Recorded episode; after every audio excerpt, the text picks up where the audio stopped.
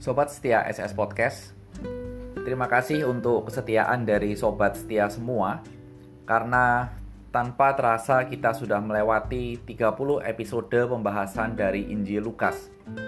Dan kembali saya ingin menginformasikan bahwa setiap minggu saya membuat dua podcast yang saya publikasikan setiap hari Selasa dan hari Jumat.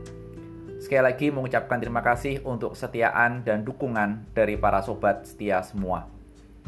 Dan sekali lagi saya meminta dan menghimbau kita semua untuk kita boleh berdoa bagi bangsa dan negara kita secara khusus berkaitan dengan pandemi COVID-19 yang secara angka pada saat ini sudah tembus di angka 3000 kiranya Tuhan boleh menolong kita semua untuk kita boleh bersama-sama menghadapi pandemik yang belum usai. Dalam episode yang ke-31, kembali kita akan belajar dari Lukas pasal yang ke-9 ayat 1 sampai dengan ayat yang ke-9 dan tema kita adalah Aku Duta Kristus.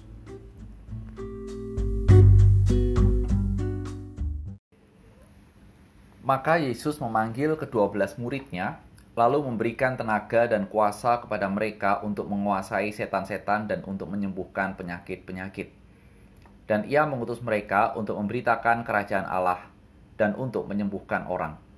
Katanya kepada mereka, Jangan membawa apa-apa dalam perjalanan, jangan membawa tongkat atau bekal, roti atau uang, atau dua helai baju. Dan apabila kamu diterima dalam suatu rumah, tinggallah di situ sampai kamu berangkat dari situ. Dan kalau ada orang yang tidak menerima kamu, Keluarlah dari kota mereka dan kebaskanlah debunya dari kakimu sebagai peringatan terhadap mereka. Lalu pergilah mereka, dan mereka mengelilingi segala desa sambil memberitakan Injil dan menyembuhkan orang sakit di segala tempat. Herodes raja wilayah mendengar segala yang terjadi itu, dan ia pun merasa cemas, sebab orang yang mengatakan bahwa Yohanes telah bangkit dari antara orang mati ada lagi yang mengatakan bahwa Elia telah muncul kembali, dan ada pula yang mengatakan bahwa seorang nabi, seorang dari nabi-nabi dahulu telah bangkit. Tetapi Herodes berkata, Yohanes telah kupenggal kepalanya. Siapa gerangan dia ini yang kabarnya melakukan hal-hal demikian?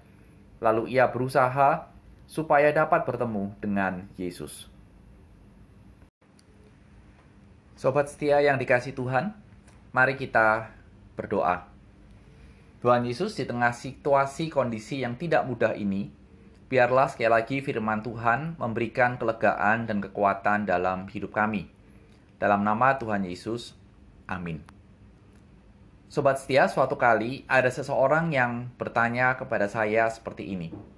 Kapan permasalahan dalam dunia atau hidup ini selesai? Sobat setia pernah memiliki pertanyaan seperti itu? Suatu pertanyaan yang rasanya cukup mewakili perasaan atau pemikiran kita.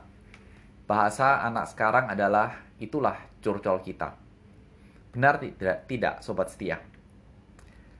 Delapan pasal di dalam Injil Lukas yang sudah kita lalui dalam 30 episode SS Podcast memberikan gambaran bahwa itulah suatu kesulitan yang terjadi dalam kehidupan dunia ini.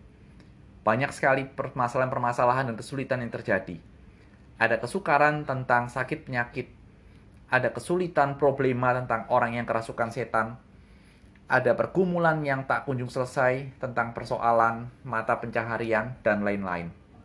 Tidak ada orang yang luput dari pergumulan-pergumulan itu, dari zaman dulu sampai dengan zaman sekarang, termasuk kita. Dan respon orang pada umumnya adalah fokus untuk bagaimana menyelesaikan atau mengurangi kesulitan-kesulitan yang ada. Sehingga muncullah pertanyaan seperti itu. Kapan selesainya? Kapan berkurangnya? Tuhan Yesus yang hadir dalam dunia sosok bukan sosok bukan sosok yang tidak peduli. Tetapi Tuhan Yesus adalah peduli terhadap segala kesulitan umat manusia.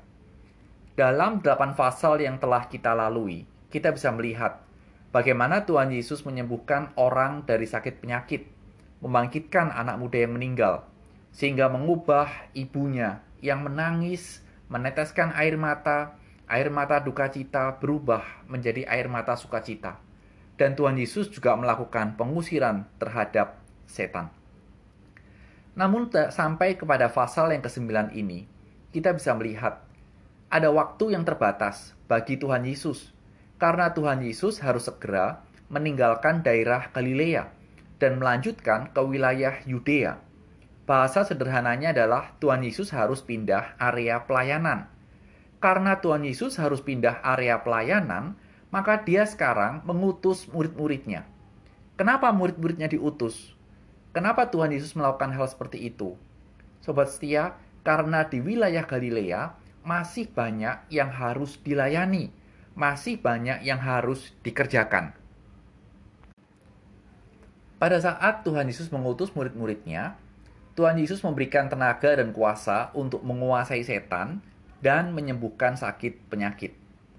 Pengutusan dengan tenaga dan kuasa seperti ini terlihat sangat hebat, dan kita bisa membayangkan bahwa apa yang akan terjadi jika tenaga dan kuasa seperti itu diberikan. Mungkin akan ada banyak mujizat, akan ada banyak hal-hal yang membuat orang takjub. Namun Tuhan Yesus menekankan bahwa tujuan pengutusan itu bukan untuk melakukan satu hal yang heboh, tetapi untuk memberitakan Injil Kerajaan Allah dan untuk menyembuhkan orang. Menarik ketika dikatakan untuk menyembuhkan orang, sembuh ini dalam konteks apa? Tidak disebut dalam konteks fisik atau rohani. Berbeda dengan ayat yang sebelumnya yang dikatakan bahwa menyembuhkan penyakit. Tapi bila kita melihat kembali pelayanan Tuhan Yesus, Tuhan Yesus tidak saja menyembuhkan orang dari sakit penyakit, tetapi Tuhan Yesus juga memulihkan, menyembuhkan orang dalam pengertian relasinya dengan Allah Bapa di surga dengan cara memberikan pengampunan. Sampai di sini kita bisa melihat bahwa di zaman Tuhan Yesus pun pergumulan dan kesulitan hidup telah nyata. Dan hadirnya Tuhan Yesus sekali lagi bukan tidak peduli dan tidak membantu. Tuhan Yesus peduli.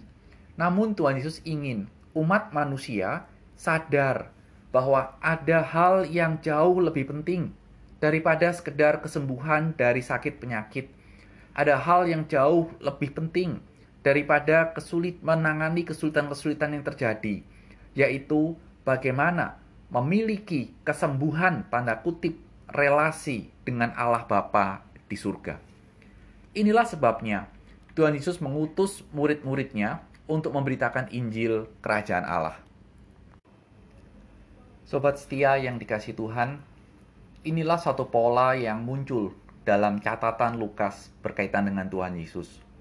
Bahwa setiap kali Tuhan Yesus memasuki suatu fase baru, harus pindah pelayanan, atau, atau ada satu hal yang harus dia tinggalkan. Tuhan Yesus selalu melakukan sebuah pengutusan terhadap murid-muridnya. Perhatikan kisah ke depan dalam kehidupan Tuhan Yesus. Setelah dia mati, dia bangkit, dia naik ke surga. Tuhan Yesus pun menjanjikan kepada murid-muridnya Roh Kudus satu kuasa supaya murid-muridnya bisa menjadi saksi bagi Injil Kerajaan Allah dari Yudea sampai Yerusalem, Yudea sampai ke ujung dunia.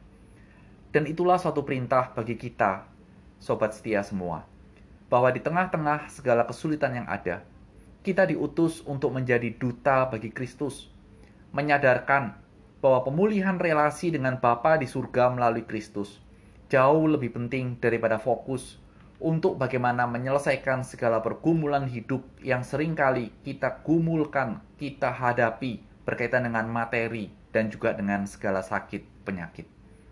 Sehingga kalau firman Tuhan saat ini menggema seperti ini bagi kita semua, siapkah kita menjadi duta bagi Kristus? Sobat setia, murid-murid yang diutus oleh Tuhan itu pergi memberitakan Injil menyembuhkan orang sakit di berbagai tempat. Dan hal itu terjadi karena mereka diberikan kuasa. Saya percaya ini menjadi satu momen yang sangat hebat. Namun ada satu hal yang menarik dari bacaan kita, bahwa ada raja yaitu Herodes yang mendengar semuanya itu dan dia tertarik untuk mengetahui tentang Kristus. Kita tidak tahu apa yang muncul dalam pemikiran dari Yohanes dari Herodes tentang Kristus. Tetapi saya percaya ketika Injil Allah diberitakan. Sampai saat ini masih banyak orang-orang seperti Herodes yang penasaran, tertarik tentang Kristus. Sehingga maukah kita menjadi duta bagi Kristus? Setelah selesai mendengarkan podcast ini, kiranya Tuhan menggerakkan hati kita untuk kita semua boleh menyadari bahwa hidup kita adalah duta bagi Kristus. Tuhan Yesus, aku dutamu, utuslah aku. Amin.